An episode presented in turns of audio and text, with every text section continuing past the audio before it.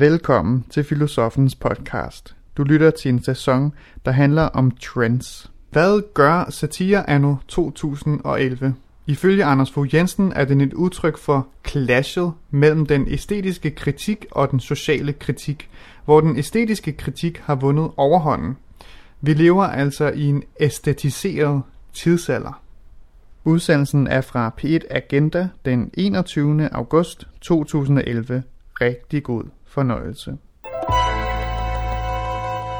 Jeg mener, at satiren egentlig ikke så meget længere gør nar af magten, og den gør heller ikke så meget øh, nar af meningen. Det var sådan noget, som vi så i Monty Python eller sådan et eller andet, ikke? hvor man sådan fuldstændig dekonstruerede øh, meningen. Ikke? Det kunne man også se i mandrillen, øh, Kasper og mandrillaftalen.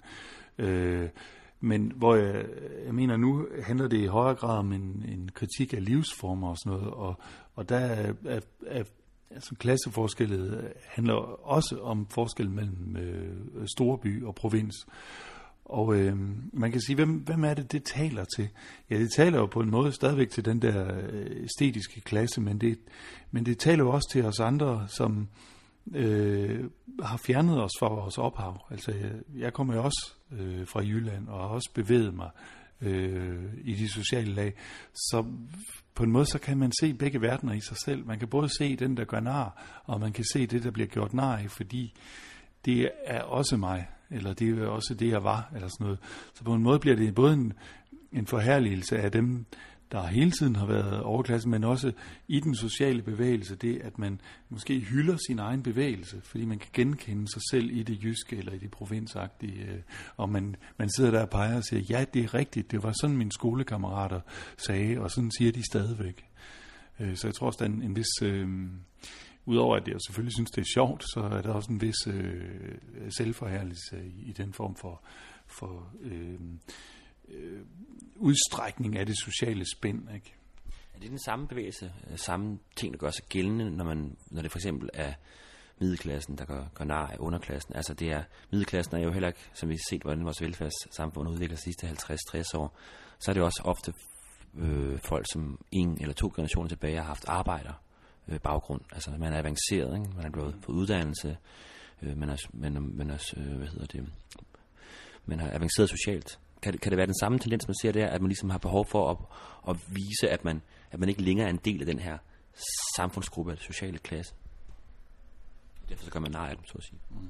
Ja, jeg tror, at, at når satiren så samtidig, øh, samtidig med, at den gør nar rammer så bredt, så er det også fordi, at øh, og det, det er måske middelklassen, der om nogen har brug for at vise, at de ikke er underklasse. Så øh, middelklassen tiltales også virkelig af det med, at der er nogen, øh, der er endnu mere bøvet. Der er nogen, der er, der er endnu mere øh, uvidende om deres egen, øh, altså mere ugennemsigtige for sig selv. Øh, så i virkeligheden, så, så, så har vi fået sådan en autenticitetskritik øh, ind igen. Altså at øh, vi kan gennemskue os selv, men der er nogen, der slet ikke øh, kan. Og det, det, øh, altså det har øh, en middelklasse nok i særlig grad øh, behov for det, tror jeg. Hvis vi ser sådan på kritikken og satirens historie, så har der været en, øh, en æstetisk kritik, som, som I blandt andet finder i det 1900 sådan boemagtige kritik, for eksempel hos øh, Baudelaire eller hos øh, den tidlige Marx, som, som handler om, hvordan øh, kapitalismen og industrialiseringen og urbaniseringen, byens larm og sådan noget, øh, fremmedgør individet og øh, umuliggør, at den enkelte kan, kan, kan være kan blive autentisk og træde frem. Altså det her med, at, at samfundet er blevet, blevet affortryllet nu. Så den, den kritik vil egentlig sådan øh, frigøre øh, individet. Og på den anden side er der så også en, en social kritik, som er meget mere en moralsk kritik, der, der også har rødder i kristendommen, om at alle på en eller anden måde er lige, og øh, at, der, at en, der, industrialiseringen og urbaniseringen laver ulykke og fattigdom, og ikke mindst ulighed.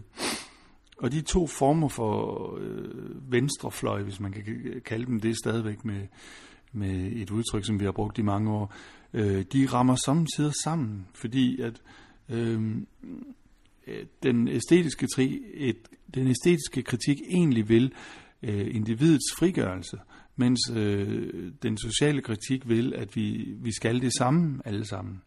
Det er sådan en glidning, som man kan se hos Marx fra den, fra den tidlige Marx's øh, fremmedgørelseskritik til den senere Marx, der er mere optaget af, hvad kapitalismen producerer af, af fattigdom og ulykke. Og det clash mellem øh, to former for venstrefløj, altså en mere æstetisk og en mere socialt orienteret øh, venstrefløj, øh, vender tilbage igen i, i 68'erne, som, øh, hvor den æstetiske kritik, kritik ligesom øh, Øh, bliver studenternes kritik, øh, der inspirerede Marx og Nietzsche og Freud, og som går på, at individet nu er blevet øh, fremmedgjort og må, må, må træde frem. Øh, og på den anden side den sociale kritik, som er sådan mere en, en, hvad skal man sige, en kvantitativ kritik, at, som handler om, at der øh, altså en kritik af det sociale og udnyttelsen og egoismen og sådan noget i kapitalismen. Så der er på den ene side arbejderbevægelsen og på den anden side øh, studenterne.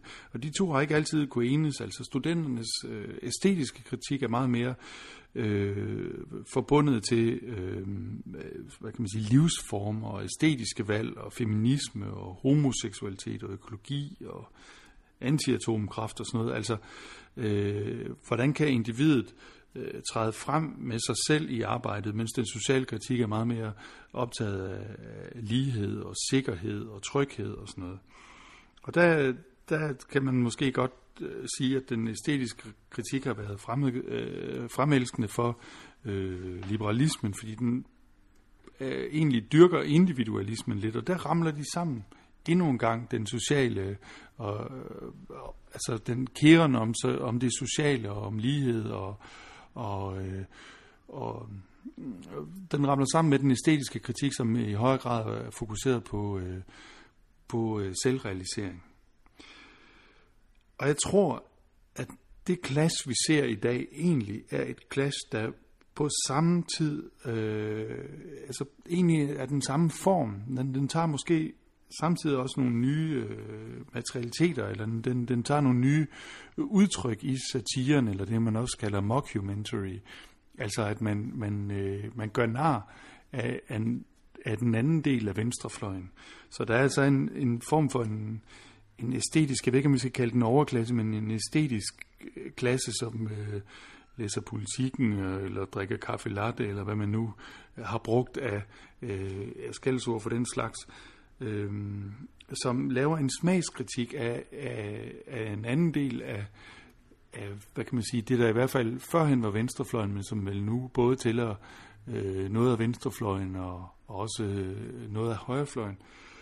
Øh, hvor, hvor det ligesom er øh, de æstetiske dimensioner, der bliver fremhævet, altså at, øh, at det, den, laveste sociale klasse, som de egentlig øh, øh, førhen solidariserede sig med, men øh, hvordan de formulerer sig dårligt, hvordan de klæder sig dårligt, hvordan de har en grim accent, hvordan de ser grimme ud, og øh, som bliver sådan en, en ja, sådan et, et, et æstetisk clash inden for, for venstrefløjen, som jeg tror øh, har at gøre med en generel æstetisering af livsformerne, som også finder sted i de her årtier. Øh, hvor øh, hvad kan man sige, forbedringen af livet øh, i højere grad går på at æstetisere, end det egentlig går på at skabe mere, øh, mere lighed og mere sikkerhed og mere tryghed. Så går det mere ud på at realisere sig selv, men også øh, drikke det rigtige, spise det rigtige, være økologisk på den rigtige måde osv. Så derfor tror jeg, at den satire, vi ser nu, den egentlig er en del af en større æstetisering af kulturen, som vi, vi har set i mange år.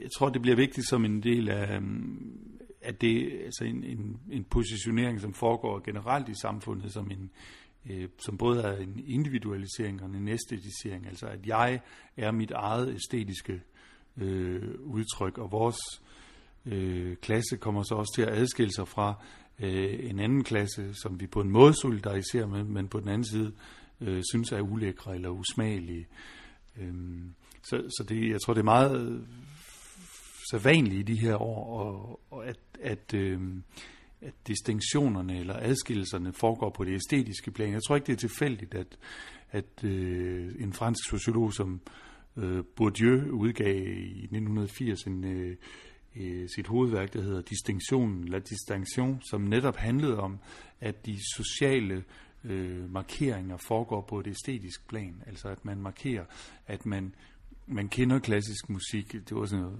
de undersøgelser, der lå til grund for, for, for den her bog, ikke? de foregik i, i Frankrig i 70'erne, ikke? og der var det jo med sådan noget som, hvilken slags øh, vin drikker man, hvilken slags sprut drikker man, hvilken, hvilken slags musik hører man og sådan noget.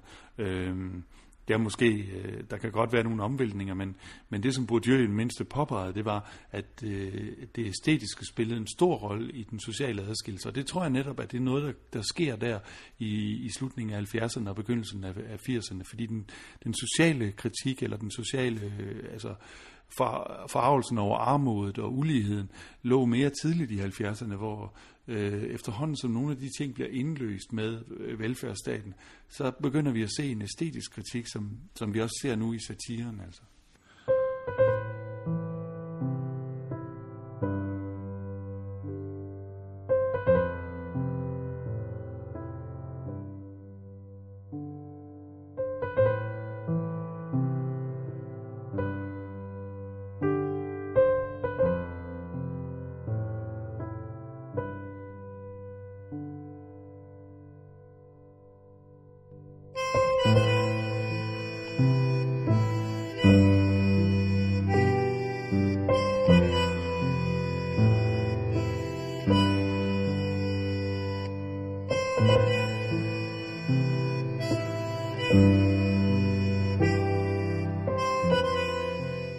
Du har lyttet til Filosofens podcast.